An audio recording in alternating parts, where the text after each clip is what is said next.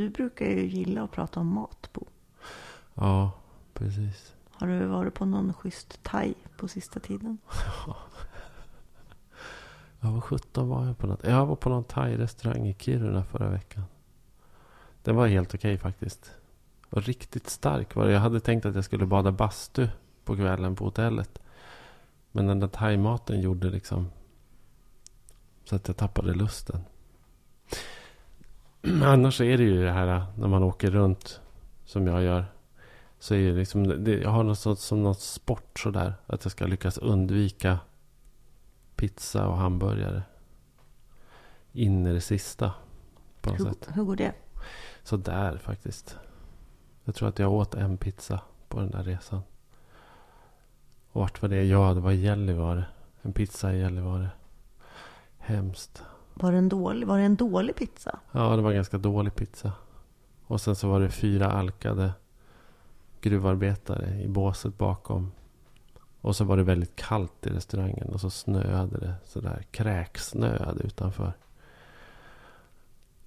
Och så var det så dålig stämning. Nej, Men jag vet inte. Inte lite pittoreskt på något sätt sådär? Man vill man jobbar ju på det hela tiden tycker jag. Försöka. Alltså det finns ju, alltså jag kan ju säga när det gäller att resa och äta. Jag äter ju, tror jag, många gånger hellre en, en halvbra pizza. Än att käka på en, någon liksom, vad heter det? Lövbit på en vägkrog. Mm. Eller? Ja. Man siktar ju hela tiden efter kanske att hitta det där stället som serverar kalops istället. Ho, Tycker jag. gör man det? Mm. Men sen var jag på en konferens också i Lappland. Och då var det ren till både lunch och middag. Det är ju bra. Ja, för då vill de ju liksom bre på med ren. Mm. Så det var ju nästan lite overkill. Då var det så här sovas till lunch och renfilé till middag. Men det är gott alltså. Ja.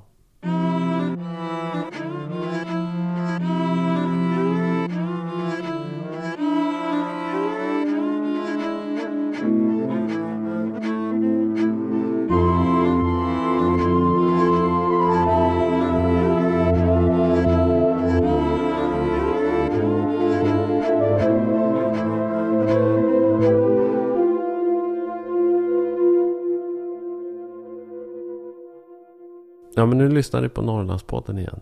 Och det är avsnitt tre av den här säsongen. Och eh, Norrlandspodden görs numera av Teg Publishing och har spons från Akademikernas A-kassa. Och det är Sofia Miriamsdotter och Bo Tidholm. Precis som vanligt. Hej på! Hej Sofia. Eh, ska vi prata lite om Miljöpartiet? Ja, det där stackars partiet. Ja, Ja, eh, och framförallt Miljöpartiet och Norrland. För att du hamnade ju lite så här, i alla fall lokalt, blåsväder. mm. Eh, när du gjorde något uttalande om att i, i någon intervju. Det var en Mm. tidningsintervju. Mm, och du jag sa att det. Miljöpartiet är som satan för Norrland. Mm. Ja, eller i Norrland så i norr är, är Miljöpartiet satan. På Ja, riktigt. ja, någonting sånt. Men Ja. hur, hur tänkte du då? På vad menar du med det? Ja, vad menar jag med det egentligen? Det är väl att... Alltså så här. Jag tror att det är ju... Miljöfrågor överhuvudtaget. Eh, och Norrland är liksom verkligen en komplicerad historia. Och jag, och jag kan känna lite grann att... Du vet att naturen kan ju vara både ett objekt eller ett subjekt. Om man nu ska förenkla människans natursyn ner till minsta beståndsdel. Så är det väl så liksom att man kan tycka att naturen lever för sin egen skull och har en egen plats i skapelsen. Eller också så kan man tycka att naturen är till för människan. Mm. Eh, och jag tror att eh, norröver så tror jag att den senare natursynen är betydligt mycket mer vanlig. Alltså att naturen är människans, kanske så här från början människans skafferi. Men ju längre civilisationen har gått så har naturen också blivit människans råvaruskafferi. Det är lite intressant. Det intressanta när du säger det här, det är det att eh, jag är uppvuxen i Norrland med, med släkt från inlandet sådär. Och jag är verkligen uppfostrad så att naturen finns till för människan. Mm. Och att man inte ska bry sig om massa miljötjafs eller liksom bry sig om djuren. Eller, alltså de är till för att vi ska äta dem. Eller Nej. har man en, ett, ett, en katt som ska avlivas så gör man det själv. Mm. Inte går man till veterinären liksom. Nej, precis. Sådär, och det, eh, det sitter ganska djupt i mig. Den, den här tanken om, om att människan står över naturen. Men jag har aldrig gjort kopplingen att det skulle ha att göra med att jag är uppvuxen i Norrland. Utan jag har alltid gjort kopplingen till att jag är frireligiöst fostrad. Och att det är liksom kyrkan och, och, att, och att ja, men Gud skapade människan till sin avbild och vi ska regera över planeten. Aha. Ja, Men det kanske där, det, det där är jätteintressant. Men det kanske går, det, det kanske liksom flätas ihop då, norröver. Jag tror att det, jag tror att det i och för sig är det nog ett lantligt fenomen. Därför att min upplevelse är ju också att i städerna så finns ju ironiskt nog att ju längre från naturen man kommer, desto mer benägen är människor att värna naturen. att värna naturen och att betrakta naturen som ett subjekt. Mm. Därför, och det, det är väldigt lätt att ha det förhållandet när man inte ser den väldigt tydliga kopplingen mellan ens egen miljöpåverkan eller den livsföring man har och eh, konsekvenserna som livsföringen får på, Mm. på naturen.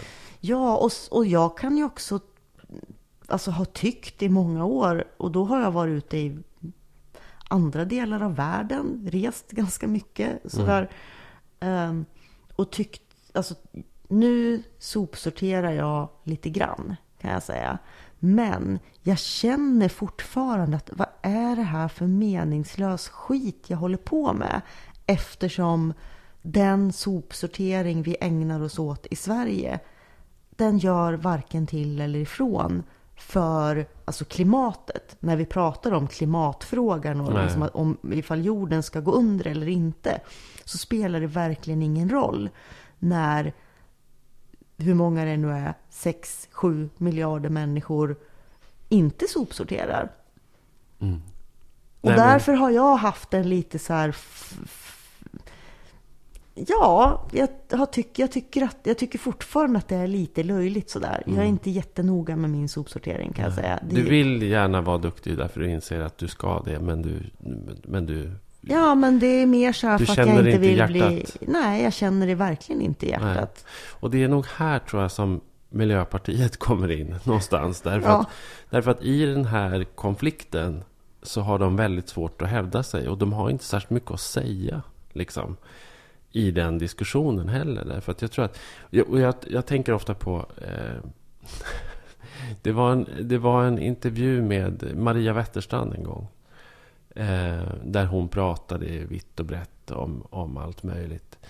Eh, men så fick hon en fråga. Och jo, så här var det. Intervjun gjordes på en Finlandsfärja. För att hon pendlade till sin man i Finland. Och det var en reporter som följde med henne. Och så satt de och tittade ut över havet. Och så frågade reportern. Vad är ditt förhållande till havet? Och då hade hon svarat på alla möjliga frågor. Under hela intervjun. Men när det kom till det här. Vad har du för förhållande till havet? Då svarade hon. Det är privat. Men du, jag skulle kunna svara precis samma sak tror jag. Ja. Därför att nu kommer vi in, det här, det här tror jag att vi har pratat om någon gång förut, när vi var i Ångermanland och spelade in. Mm. Att, att jag kan bli så här ordlös och få svårt att sätta ord på känslor som blir väldigt stora sådär. Och mitt förhållande till havet, till skillnad från skattepolitik eller pengar hit eller alltså det, det är ju privat. För mig är ju det att sitta på en sten vid havet, det är ju en väldigt privat upplevelse jämförbar med sex som jag verkligen inte vill dela med mig av detaljer om hur jag känner inför det.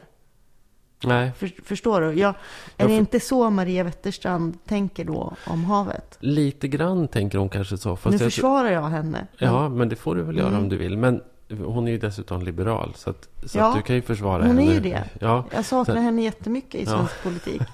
men det som jag tror, det som jag tror hon gjorde i den där intervjun, det var ju att hon, hon skyddade sig själv. Därför att hon insåg att, att om hon skulle börja svara på det så skulle det framgå med all önskvärd tydlighet att hon i grund och botten, trots att hon är en pragmatisk politiker, att hon är liksom en teknokrat och att hon är väldigt kunnig och att hon är liksom, och, och att hon är liberal. Men att det skulle skina igenom att hon ändå betraktade naturen som ett subjekt. Och att det skulle ligga henne i fatet i valrörelsen om hon kom ut som någon som faktiskt älskade havet eller hade liksom intima stunder tillsammans med havet. Och att det skulle vara skadligt för henne. Därför att hon, till skillnad från många andra miljöpartister, förstår att det där är en belastning och ett problem för partiet. Vilket, om inte förr, blir väldigt uppenbart när man liksom sätter Miljöpartiet i Norrlands kontext. För då havererar hela deras politik. Liksom. Samtidigt så låter ju det här som någonting förgånget. För det känns som att i, i dagens debatt och offentlighet så ska ju även politiker eh, man ska leva som man lär, man ska leva 100%. Är man liksom, pratar man om miljön, eh, bryr man sig om naturen eller klimatet, då ska man också vara jätteengagerad och älska den. Och i privatlivet ska det bästa man vet vara och segla på havet och måla Sätta- båten i rätt färg. Liksom, för att man... Sätta på sig en skaljacka och gå Kungsleden. Ja, jag tror, jag tror det.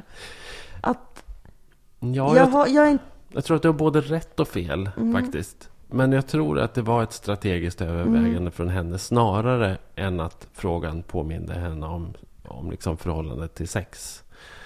Faktiskt. Du Det, det det? är den associationen jag fått så för dig. Men, men jag- alltså, för att... Alltså, det är också så här, tror jag, att... Jag, jag tänker på det, jag, jag, jag, pratade inför, jag pratade inför ett gäng miljöpartister på en konferens ganska nyligen eh, i Åre. Och en sak som slog mig när jag lyssnade på miljöpartisterna på den här konferensen det var att de, de, förstår, de förstår ofta inte sprängkraften i sina egna politiska frågor. Alltså man tar till exempel sådana här eh, alltså profilfrågor eh, för, för landsbygd. Varg till exempel. Eller dieselskatten. Och då är det nog så här att, att om man, man kan uppfatta de frågorna på två väldigt skilda sätt, tänker jag. Beroende på vem man är. Om du är en miljöpartist eh, på landsbygden så har du ofta kanske bosatt dig där som ett, det är ett aktivt val. Mm. Eh, antingen du är född och har stannat kvar eller om du har flyttat ut på landsbygden och är miljöpartist. Så, så lever du kanske med en känsla av att du har gjort ett aktivt val. Att det här är någonting som, som du har, det här är en situation som du har kontroll över. Och om det då kommer eh, då en propå om eh, mer vargar eller högre dieselskatt. Så blir du inte kränkt av det. Därför att du känner att du har utvägar i livet. Och det här är dessutom kanske ett pris du får betala för att du har gjort det där aktiva valet. Men om du då tar, istället tar en, en mer schablonartad norrlänning. Det vill säga Mm. eh, den 35-åriga mannen i varseljacka. Som, som liksom flyttade direkt från mamma och flyttade ihop med Jeanette i, i en villa. Och jagar älg. Och, eh, och kör en, en, en ganska stor dieselbil. Och känner att den inte har någon annan plats i världen som den kan vara på. Du kan inte, du kan inte fly Mm. någonstans. Och, Ja, du har, och ja. du har inte gjort något aktivt. Får jag, får bara, jag får bara fullfölja tanken. Och då, och då tror jag att... Och då, det är då det blir kränkande. Det är då man upplever det där som Mm. ett hot. Därför du har ingenstans att ta vägen. Men, men nu pratar du fortfarande... Eh, alltså det här är ju ändå detaljfrågor. Mm. Som att höja dieselskatten eller höja bensinskatten. Det ska vara dyrare att köra bil. Eh, och det är ju då alltså självklart en fråga som inte går hem hos gemene norrlänning. Eftersom de flesta norrlänningar är väldigt bilberoende. Mm. Och inte bara bilberoende utan det handlar om ganska många mil som många norrlänningar måste köra när de pendlar och så vidare. Så att det är ju givet. Men jag tycker också att det är att förenkla liksom vad Miljöpartiet vill och gör och deras syn på naturen. För att de har ju, de har ju många andra frågor. Alltså, de har ju andra frågor som de så att säga blir mer dum, dumförklarade och förlöjligade för av stockholmare då till exempel. Som, Mm. som ja, vi ska bygga ett samhälle utan tillväxt. Eh, eller medborgarlön och basinkomst. Alltså den typen av mycket, mycket större övergripande frågor. Som borde gå hem också i Norrland. Ja, det skulle Så man att- kunna tänka sig om, de inte, om inte frågorna kom just från Miljöpartiet. För det, det är där det blir känsligt. Och jag tror att, jag menar, alltså, ta, ta den här idiotfrågan om varg till exempel. Jag menar, det är så otroligt få norrlänningar som de facto faktiskt påverkas av huruvida, av, om, Vargen. om, av vargen. Och Alltså om, finns det ens vargar i Norrland? kan jag känna. Därför att för för mig, för mig, för, nej men för mig är vargen ett så här, är inte det ett Värmlandsproblem? Nej, alltså det finns ju vargrevir. eh, Ja. Och, det, och det är framförallt är det ju ett problem i, i renbetesland och sådär. Så, så, så finns det ju problem med det. Liksom. Men, och det finns problem för dem. Men alltså, så här, vargen är ett problem egentligen då framförallt för samerna och för jägare som jagar med lösspringande hund. Det är de som har problem med vargen på riktigt. Mm. Men sen är det en väldig massa andra människor som upplever att de har problem med varg. Just därför att de inte har någon, val, någon valmöjlighet. Och just därför att vargen blir en sån otroligt tydlig symbol för den där liksom, Men om vi då kraften ska som tränger sig på. till det här som du sa från början om norrlänningen som lever i naturen Mm. och som liksom lever i den verkligheten. ehm, och kanske inte har det här romantiska förhållningssättet och så. Mm. Så kan jag tänka att ja, ja, men det, det är naturens lag. Skickar man ut en hund i skogen så är det klart det kommer en varg och tar den. Jo, men Så, Ja, det, och det skulle man kunna tänka sig då att norrlänningen hade en sån idé. Men det har den ju inte därför att norrlänningen tycker ju, norrlänningen tycker ju att den har makt över naturen.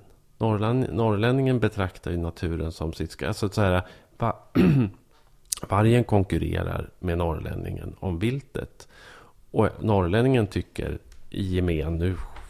Jag menar nu, det här, hela, den här, hela resonemanget bygger på schabloner. mm, Men- jättemycket schabloner givetvis. om norrlänningens syn på vilt och sådär. Men ja, Ja, men om vi, nu pratar vi om Mm. schablonnorrlänningen här som, Mm. som liksom förhåller sig till vargen på det här sättet. Och, och det är faktiskt ganska många gör det också. Eh, fler än de som är påverkade. Och då skulle jag säga ändå att det, det, det reflekterar ju ändå en, en natursyn. Alltså där, där jägaren tycker sig eh, vara på något sätt högst i näringskedjan. Då, då, då ska det inte komma någon varg eller någon kungsörn eller någon havsörn och konkurrera med människans plats högst upp i näringskedjan. Och Men det är ju ett så fruktansvärt urbota korkat sätt att tänka. Ja. Att jag står högst i näringskedjan. Nej, är Vi är ju en, alltså, och jag kan känna att för mig är det motsatsen till urnorrlänningen. För, ur, ur, liksom för mig är norrlänningen då den stereotypa, det är ju den som har lärt sig att leva på något sätt med naturen. Och naturen kan ju inte tyglas, för naturen är ju mer än rovdjur. Naturen är ju också liksom åska och snö och kyla och massa saker som man överhuvudtaget inte kan styra över och man bara gillar läget. Ja, men vargen kan man styra över. Och det är väl den känslan man har, tror jag. Att, att det är liksom så här, okej, man kan inte styra över snöstormen, man kan inte styra över vårfloden eller vad det nu är. Men man kan faktiskt skjuta bort vargen. Och det har man gjort en gång. Och det var man väldigt nöjd med att man gjorde. Och på samma sätt så är man ganska nöjd med att man högg ner alla skogar, dämde upp alla älvar. Och att man gräver upp de där mineralerna. Och att det är på något sätt så här, jag tror också att allt det där hänger ihop. Det är liksom eh, modernitetens natursyn.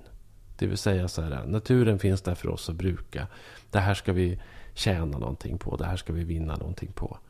Och sen så liksom kokar det ner till det här som vi också har pratat om jättemycket. Den här idén om att det ger arbetstillfällen. Om vi ger oss ut i naturen och tar det som naturen har att erbjuda oss. Mm. Så kommer vi få arbetstillfällen och då kommer vi kunna leva här.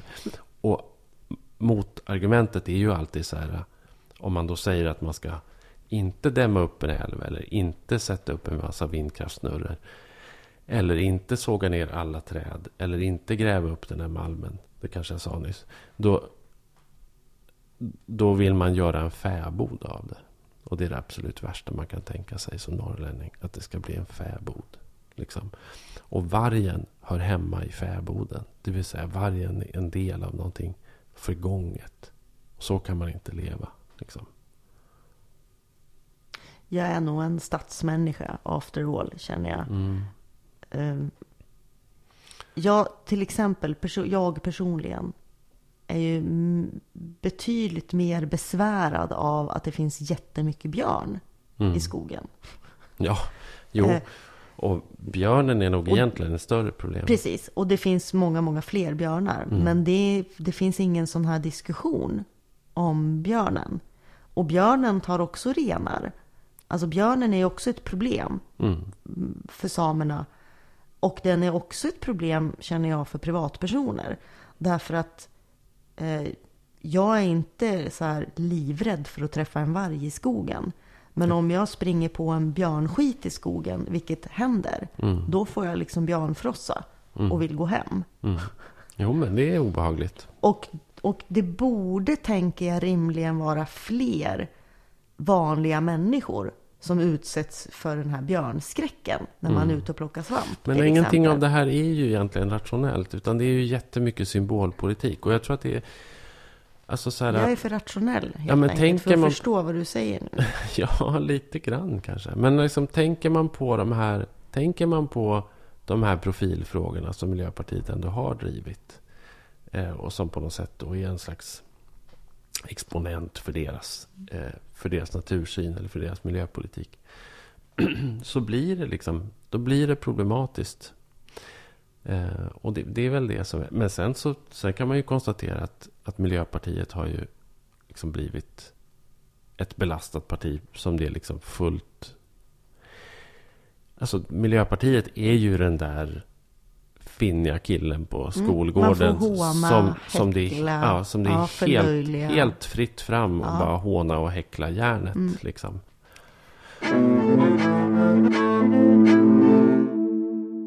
Den här podden är sponsrad, vilket vi är väldigt tacksamma för, av Akademikernas a-kassa. Mm. A-kassor är bra överhuvudtaget. Det är bra med solidariska a-kassor. Och det här är dessutom en av de billigare i landet. Men man ja. måste vara akademiker för att kunna gå med i den. Vad krävs för att vara akademiker? 180 högskolepoäng har jag fått lära mig. Eh, man kan också gå, gå med i a-kassan på vägen till eh, sina 180 poäng. Eh, på väg till sin kandidatexamen. Och om man en gång har gått med och tagit sina poäng så får man vara med resten av livet. Jo, precis. En gång akademiker, alltid akademiker. Och eh, vill du läsa mer eller gå med i Akademikernas a-kassa så kan du gå in på akademikernas.se och få mer information.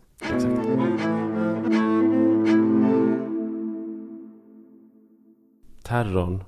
Terrorn. Terrorn kom till Boliden. Eller så gjorde den inte det. Men det, terrorjakten kom till Boliden. Mm. Det var mycket mycket, mycket terror i Boliden där under, under något, något dygn var det. Det greps ju då en misstänkt terrorist i Boliden. Mm. Var det här en fredagkväll eller vad var det? Mm. Mm. Jag tror det var. Ja, det var någon sen kväll i alla fall. Och eh, det rapporterades friskt och fel. Mm i en väldig fart. Mm. Och Säpo eldade på. Och terroristexperterna eldade på. Och medierna eldade på. Och det, allting gick väldigt, väldigt fort. Och folk skulle försöka förstå var Boliden låg någonstans. Ja, och det var ju Ehm, Så här, med facit i hand. Vi vet ju vid det här laget att den här killen som greps eh, inte... eh, Han är inte längre misstänkt. Han släpptes fri. Mm. En helt vanlig person som, som häng, gillar ICA Boliden på Facebook. Mm. Eh, Vilket ju gick att se redan samma kväll. Om man gick in på hans Facebook-sida så Mm. tyckte man att det var väldigt konstigt att han var tagen. För det fanns ingenting som tydde på att han skulle vara någon form av militant islamist eller någonting sånt. Och Nej. de som är det brukar ju inte skämmas för det. Antingen skäms de inte för det eller också så är de kanske lite hemliga.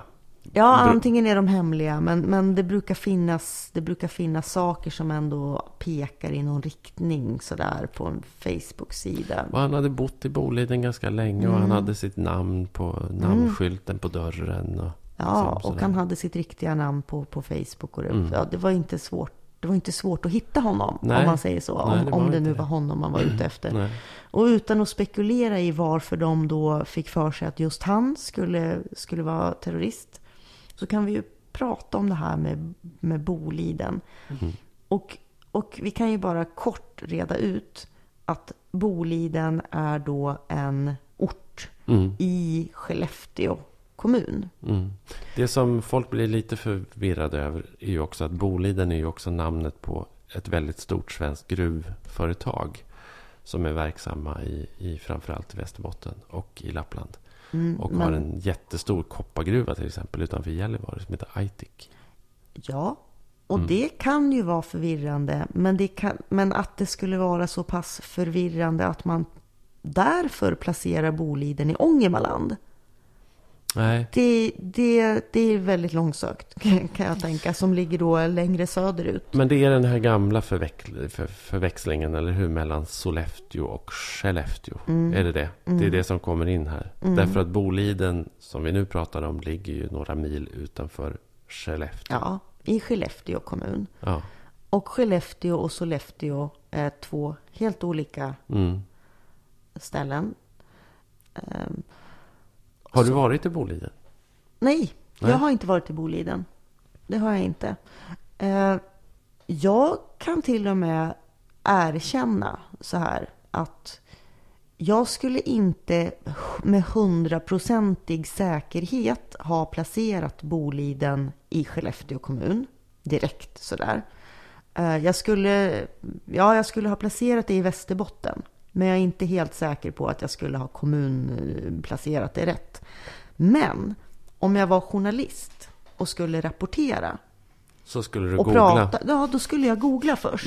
Innan jag skrev på Aftonbladets eh, etta på sajten eh, om terrorjakt i Sollefteå. Mm. Det skulle jag ha gjort.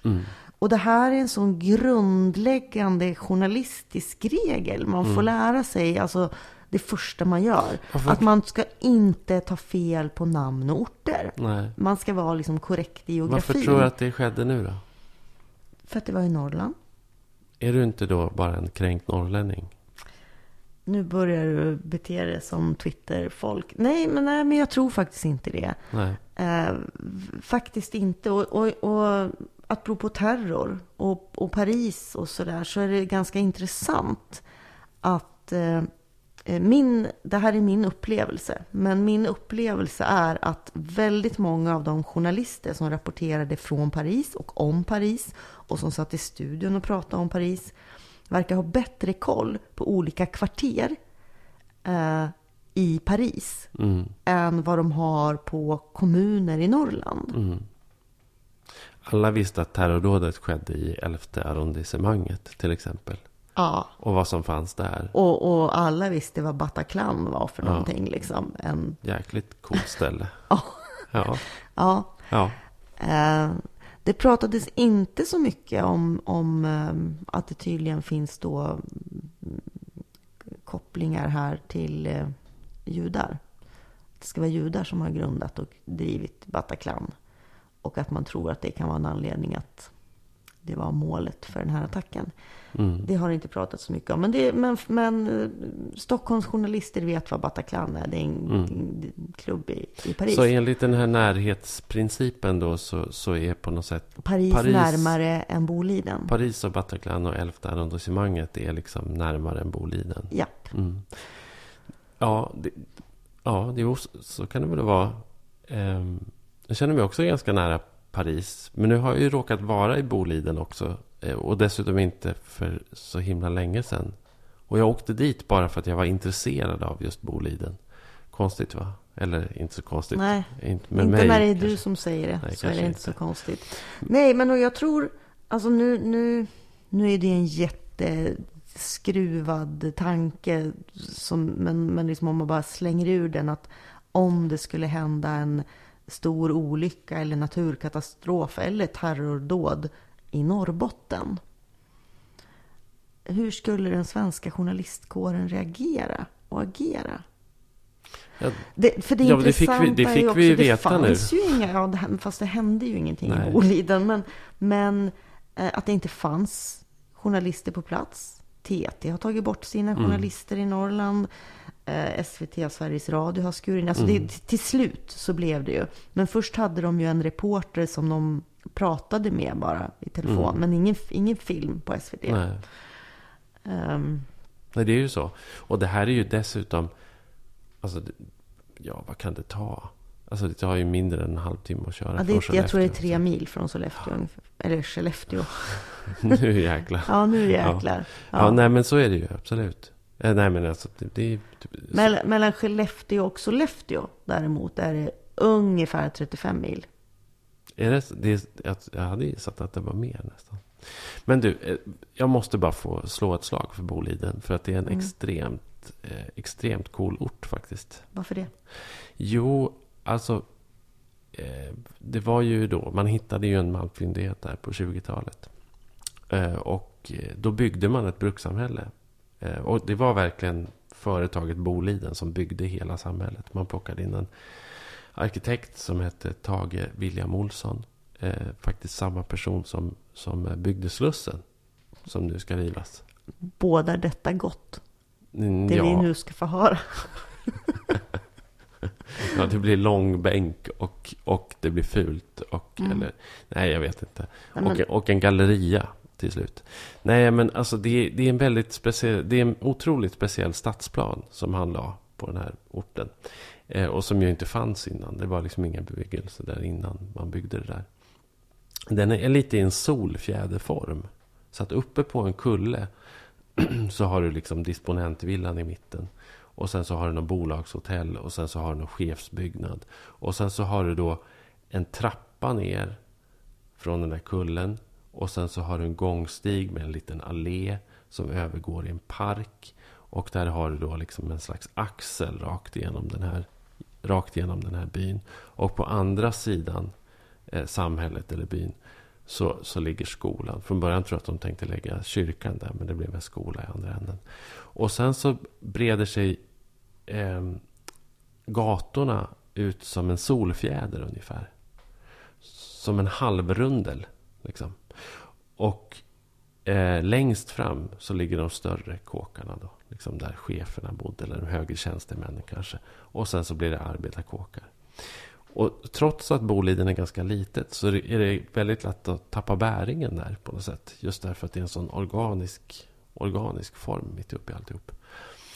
Eh, och det var ju verkligen en, en ort som var helt och hållet skapad och helt och hållet styrd av, av det här bolaget. Och som tror jag dessutom byggdes utifrån någon slags fransk förlaga. En, en, någon fransk sån här råvarustad. Och det var ju inte ovanligt att man när man skulle anlägga städer i anslutning till råvaruuttag så liksom försökte man manifestera råvarornas betydelse med liksom någon slags avancerad stadsplan. Sådär. Så att, och den där stadsplanen är ju i- i det närmaste intakt. Men nu för tiden så bor ju inte särskilt mycket människor i Boliden. Det är ju en ort som, som har gått ner. Gruvan stängde redan på slutet av 60-talet tror jag. Och nu ligger ett anrikningsverk där som folk jobbar på. Men eh, det är, inte, det är ingen populär plats att, att bo på. Som, menar, som många orter i Norrlands inland så är det ju liksom en nedgång. Och därför så finns det lediga bostäder. Och därför så finns det då plats för, för flyktingar i Boliden. Mm. Så det, det, är liksom så, Det det, är liksom så det hänger ihop. Och det här tycker jag också är en slags kontext som, som man missar i det hela. Och som är liksom sann nu för hela, som är sann för hela Norrlands inland. Jag var ute och åkte nu en vecka. Och åkte runt. Och det, och det var ju liksom... Alltså det är ju som en helt, det är som en helt ny verklighet som möter en. Vart man än kommer. Med liksom en massa människor som är ute och går. Och de har varit och handlat och de kommer bärandes på påsar eller de är ute och joggar. Eller de är, och, det, och det är alla de här Flyktingar. stora grupperna med flyktingar som kommer. Asylsökande. Ja. Mm. Och det är ju en sån enorm liksom vitalisering skulle jag säga. Ja. Av många av de här orterna. Och som jag aldrig, och det här är faktiskt helt och hållet sant. Det här är inte bara för att jag är någon slags PK-idiot. Men jag har aldrig stött på någon eller hört någon som har varit negativ till det. Inte en enda gång. Nej. Du har inte det. Nej, har du? Jag ser ju dem på nätet och sådär. Även människor som bor i de här orterna i Norrlands inland som inte är jättepositiva. Mm. Och, ja. Jag träffar väl fel folk då? Nej, ja, men nej. Eller rätt. men, men, men rent, rent generellt så tror jag ändå att det är så. Jag tycker att man läser, om man, om man tar del av vad som skrivs också i lokaltidningar och i lokala medier om flyktingmottagande i just Norrlands inland så finns det ju ett jättestort engagemang från eh, de som bor på orterna. Och att, de, att det finns en positiv inställning och att man tycker det är roligt att faktiskt engagera sig och hälsa på och vill vara guider och träffa eh, de här nya eh, Ja. bo- boenden som kommer. Eh, s- och det är ju, vi får ju hoppas för, för Norrlands skull att några av de här faktiskt vill bo kvar. Mm. Även när de har fått uppehållstillstånd ja. och i, i praktiken kan flytta då. Vilket många gör. Mm. Eftersom det, det är ju... Ja, det är också kallt och ja, det är ju ett helt... glest och svårt att få jobb. Och Ja, det är verkligen ett helt annat liv än, än det liv. de flesta, De flesta hade. asylsökande kommer ifrån. Och i ett Mm. helt annat klimat än, Mm. vad, än vad de flesta är vana vid. Men det var också sådär superfint. Jag åkte genom Pajala. Och Pajala, Pajala är ju en ort som liksom har varit med om en, en resa upp till molnen. Och sen liksom kraschlandat i en blöt myr. Liksom. Med den här gruvan som öppnade och företaget som konkursade. Och liksom, ja, det som Mikael Niemi sa om, om hela det här gruväventyret. Att det som, det som Pajala fick i slutändan efter, den här gruv, efter gruväventyret. Det var två nya fartkameror och högre kommunalskatt. Mm. Och lite så är det med den orten. Men när jag åkte igenom Pajala häromdagen och körde igenom där. Så åkte jag på en villagata. Och då var det två familjer från Syrien som var ute och byggde snögubbar. För första gången med barnen. Och den synen var ju liksom sådär. Så man blev tårögd av det. För att det var. Det, det var så mycket glädje i det. Och, och faktiskt. Det var faktiskt någonting oerhört Mm. fint. Mm. Det var överhuvudtaget en väldigt sån här... um, Jag gör ju såna här... Folk kanske tror om mig att jag är som ständigt, ständigt ute och åker. men, men så är det ju inte riktigt. Men jag gör ju såna här svängar med jämna mellanrum. Och just den här var väldigt, väldigt märkvärdig. Just, just på grund av den här närvaron av, av de här nya, de här nya Mm. människorna liksom, i, i de här miljöerna. Det var, liksom, det var jättespännande. Och sen apropå, apropå ditt jobb som man måste bara berätta vad jag var med om. Mm. Eh, när jag badade bastu eh, på ett hotell i Gällivare. Jaha. Så kom det in två snubbar. Och satte sig i bastun. Och eh, ja, hur kom vi att tänka på det där? Eller hur kom vi att prata om det? Ja, det var väl liksom sådär, vad, vad gör ni här? Eller vad är det ute på jobb? Eller något sånt där liksom. Och då visade det sig att de där två var ute med en bussresa. Eh, och de kom, de gick den här ledarskribentutbildningen som den liberala stiftelsen Svenska nyhetsbyrån, heter de va? Ordnar. Mm. Och de bussades då runt i Sverige för att titta på verkligheten. Det var en del av deras eh, kursplan tydligen. Och de skulle då lära sig om, om Norrland på den här resan. Och hamnade då i en bastu med mig. Vilket jag tyckte var lite roligt. Men vi blev ju omedelbart efter ungefär... Osams. Omedelbart, ja. Efter typ 30 sekunder. Så. Men blev ni osams? Ja, eh, precis. Vad, vad, vad blev ni osams om? Ja, för de sa vad de gjorde och så sa de så här, ja, men man, man vet ju inte om man får jobb när man har gått den här utbildningen. Och då så sa jag att jo, det kan ni väl vara ganska säkra på. Nästan alla ledarsidor i Sverige är ju faktiskt borgerliga. Det är ju 80 procent av alla ledarsidor i Sverige är ju borgerliga. Så det behövs säkert folk. Ni kommer säkert få jobb, sa jag. Och då så sa de att jaha, mhm. Då blev de omedelbart defensiva och så sa de ja, ja, men det är ju bra för då kan ju det uppväga det faktum att 60 procent av Sveriges befolkning, eller Sveriges journalistkår, är miljöpartister. Och hänvisade då till en undersökning som har väldigt, väldigt dålig svarsfrekvens och som är extremt ifrågasatt och som ingen egentligen tror på utom... Som Lars Bäckman brukar vifta med Ja, ja det, det var exakt vad jag sa också. Så att, att det är ju bara ni och Lars Bäckman som tror på den där. Och då blev de ju givetvis ännu surare. Och sen så hamnade vi då i någon slags diskussion om att public service och Dagens Nyheter och Svenska Dagbladet och alla var ju vänsterfästen och det grövsta. Det var ju liksom hela svensk nyhetsmedia var ju... Svenska Dagbladet. Ja, alla. Alla tidningar. Alla svenska nyhetsjournalister är, är vänster enligt de här killarna. Och det, jag undrar om det är någonting man får lära sig på den där kursen eller om det är någonting som man tycker... Nej, nej, nej. Jag, nej, nej, nej. Det tror jag, det tror jag inte. Kan det vara så att man söker sig till den där utbildningen därför att man tycker så? Jag tror att det är en... eh, Det är ju inte bara Lars Bäckman. Det är också en sån här grej som, som Rebecca Uvell sprider på Twitter. Ja, det är de liksom. två. Mm. Och nu hade de två snubbar till som, som kommer göra det. Och det är ändå, skulle jag säga, det är en, det är en ganska liten klick som, som ofta gör en grej av public service, vänstervridenhet och sådär. Ehm, men det, det, det, är så, det, ja, men det har blivit som en, som en myt. Det är en mytspridning som folk bara köper, att så här är det. Alla Mm. på SVT är vänster, alla journalister är vänster.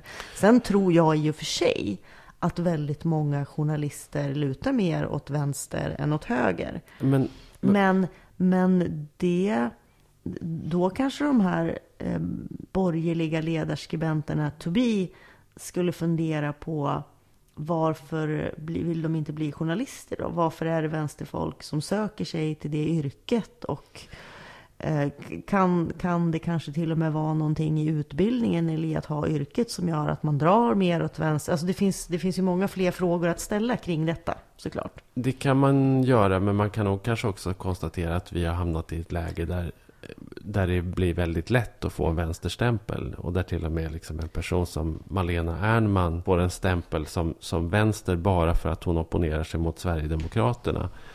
Eh, och när det i själva verket visar sig då, liksom när någon kollar upp vad hon de enda citat som finns där hon har redovisat vad hon tänker rösta på så, så säger hon att hon ska rösta på Moderaterna. Eh, Och det borde ju vara fullt rimligt för en moderat till exempel att, att bekämpa Sverigedemokraterna. Men i dagens politiska klimat så drar då alla den, omedelbart den felaktiga slutsatsen att då är man vänster. Och sen så tar man det faktum att hon ska läsa dikten vid tolvslaget i SVT som en slags då intäkt för att SVT är ett, ett kommunistfäste utan dess like. Ja, men det här är ju den här förskjutningen som vi pratade om i förra avsnittet Ja. också. Och den är ju väldigt, väldigt obehaglig. Eh, och det handlar ju inte bara om att, att ja, hon är vänster för att hon är emot Sverigedemokraterna. Utan om man pratar om eh, humanism generellt eller mänskliga rättigheter. Eller, Så ja, så är man, då är man vänster. Och det är nästan Och- så här, och då skulle jag nog nästan säga så här att, att om man till exempel är intresserad av faktakontroll så är man också vänster. Liksom. Alltså så här, om, man, om man agerar som en journalist ska. Om man, om man är kritisk i sitt tänkande ja då är man också vänster. Om man problematiserar saker så Mm. har man också vänster. Enligt den här då gängse diskursen. Där man är liksom, där, mot, där, där, där det på något sätt ställs emot att Mm. Men- vara men- borgerlig och jävligt tvärsäker. Men, men, men det är ändå fortfarande, skulle jag vilja säga, en liten klick. Därför att jag då som är en, som du kallar då, borgerlig ledarskribent, även om jag aldrig skulle själv kalla mig för borgerlig. Okej, men jag brukar kalla det liberal ja, ledarskribent. precis. Mm. Men, men, men nu sa du att 80% av alla ledarsidor är borgerliga. Min Mm. ledarsida är oberoende liberal. Vilket ju är borgerligt då. Men, Mm. nej, nej, det behöver det behöver det inte vara. Nej, det, det Okej, men det är ju jättefint i så det fall. Om, behöver inte om vara. det inte behöver men, vara men så. det, men, det, det mm. finns ju inte en, bo, en, en... Ja, borgerlig är ju liksom inte en ideologi, om man säger så. Nej. Ehm, Det är en slags hemvist. Det är ett hem. Det är ett hus. Ja, ja. Mm. Eh, nej, och det finns ju jättemånga borgerliga ledarskribenter i det här landet på olika tidningar, framförallt då lokaltidningar, som står upp för mänskliga rättigheter och humanism och som tar stort och klart och tydligt avstånd från Sverigedemokraterna. Men det är på lokaltidningarna. Så att den här, eh, det, det är lite grann också så att den här Stockholmsfixeringen igen, eller storstadsfixeringen, att för att några få tidningar som håller hus i storstäderna har tagit ett jättestort högerkliv och börjat närma sig SD eh, och börjat håna folk. Alltså, alltså sånt här att godhet har blivit ett skällsord. Eh, ja, sådana saker. Ehm, Godhet, är det vänster också? det är i alla fall fult. Och dåligt, naivt, korkat, idiotiskt. Alltså så här, godhetsmaffian får jag höra att jag tillhör. Jag är liberal ledarskribent. Vi är många liberala ledarskribenter som jag känner som har exakt samma inställning till Sverigedemokraterna, till att vi måste stå upp för mänskliga rättigheter, eh, till liksom asylrätten och sådana saker som, som har varit väldigt heta frågor nu. Men eftersom vi jobbar på lokaltidningar ute i landet så räknas liksom inte det i den offentliga debatten när man pratar om den här förskjutningen. Utan då räknas det att Svenska Dagbladet och Expressen och GP. GP och Dagens Industri, liksom, då är det de som räknas. Jag vet att vi fick eh, några lyssnar, eller liksom lyssnarfrågor på Twitter. Och, och, och det var framförallt en som, som, vi, som vi snappade upp här. Det var, och det var, Mm. Var det klassaspekter på, på älgjakt? Ja, finns det någon sån? Är, är älgjakten en klassfråga i Norrland? Jag skulle nog säga nej. Jag tror att det, alltså, det känns som att älgjakt är verkligen någonting som vem som helst ägnar sig åt. Det är i alla fall min upplevelse. Att det är snarare, och nu är ju inte jag älgjägare själv, så att alltså, jag pratar inte liksom pratar inte av, av egen erfarenhet mer än att jag liksom lever mitt bland en massa människor som jagar älg. Och då skulle jag nog säga att älgjakt är liksom kanske lite som korpfotboll eller som föreningsliv i största allmänhet. Att det liksom är en arena där hög och låg och, och liksom tjänsteman och arbetare träffas på en, någon slags gemensam planhalva. Och eh, kanske då jagar och eh, äter samma fläsk och eh, så här, badar samma bastu efteråt. Det, det, är nog min, det är nog min bild. Sen finns det den här liksom, turistjakten. Alltså så här SCA-jakten. Som är väldigt klassbunden. Och med liksom, de privata jaktmarkerna som bara vissa har tillgång till. Bo- Bolagsjakter och sånt. Och där finns det definitivt ett, ett klassperspektiv. Men annars så känner Men, jag att men det om, är... om jag tänker framåt så här, och tänker på en yngre generation och tänker på att för att jaga så ska du ändå ha jaktlicens, du ska ha vapen, du ska ha tillgång till ett jaktlag. Och, och det har ju inte alla. Ja, fast då skaffar de Och sig det. liksom ett... Ja, alltså det är verkligen, ja det skulle jag nog säga. Att, att det, den, drivkraften att, att göra det, den är så stark. Så att, så att Mm. det, man, man försakar vad som helst. för Men då skulle det. jag säga att det är, inte en, det är ju då egentligen inte en Norrlandsgrej. Utan det är ju en eh, landsbygdsgrej. Mm. Därför att i städerna. Jag känner inte många som jagar älg. Jag är uppvuxen i en stad ändå. Mm. I Sundsvall. Där är inte många som jagar älg. Mina släktingar som nu är döda i Junsele. De jagade älg. Men jag har inga släktingar kvar. Det är liksom inte så att den nya men- generationen har tagit över. De barnen då som flyttade till städerna, de jagar inte älg. Nej, precis. Det är, väl en, det är väl en sån glidning då som sker. Men, men jag tror att om du hade haft släkt kvar på plats så hade de säkert varit Ja. älgjägare. Däremot så är det ju en, en genusfråga. Fast det Jag, jag... känn, alltså, ja, jag, jag vet att det är kvinnor som har börjat jaga älg och att det är Mm. vanligare.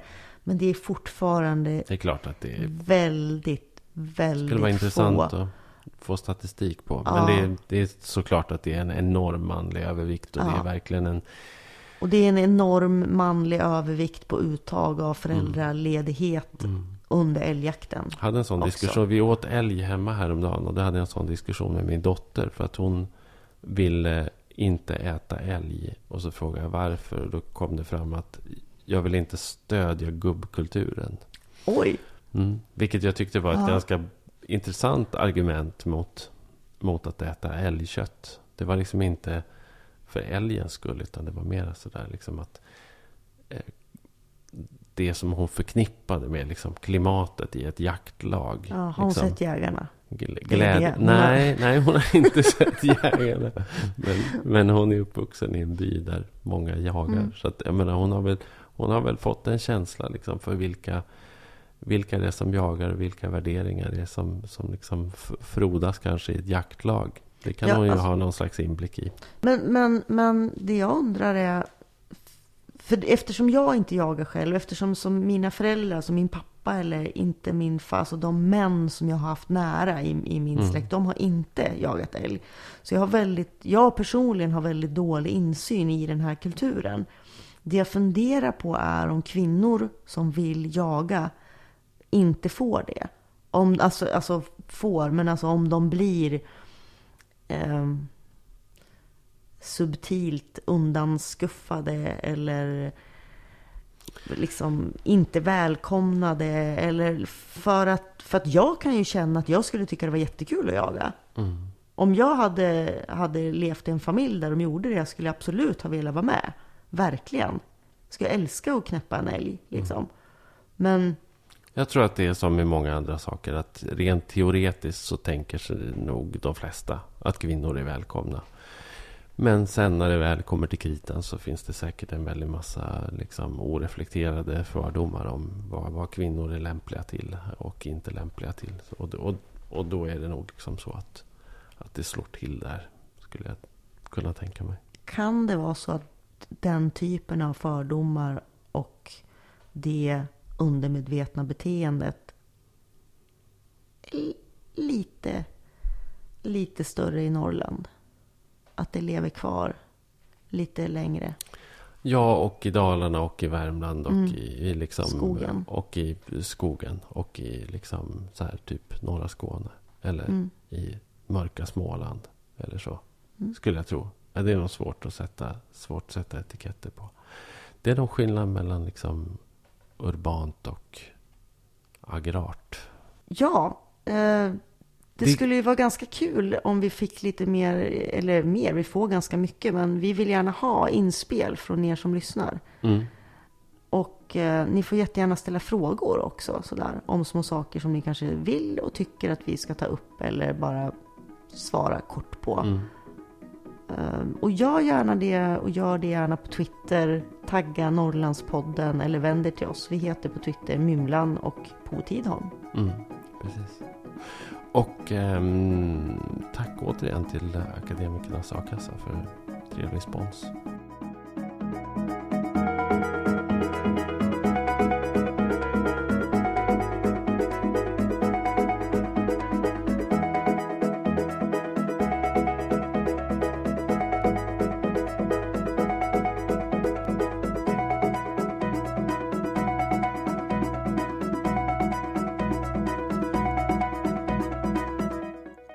Norrlandspodden är en produktion från Teg Publishing.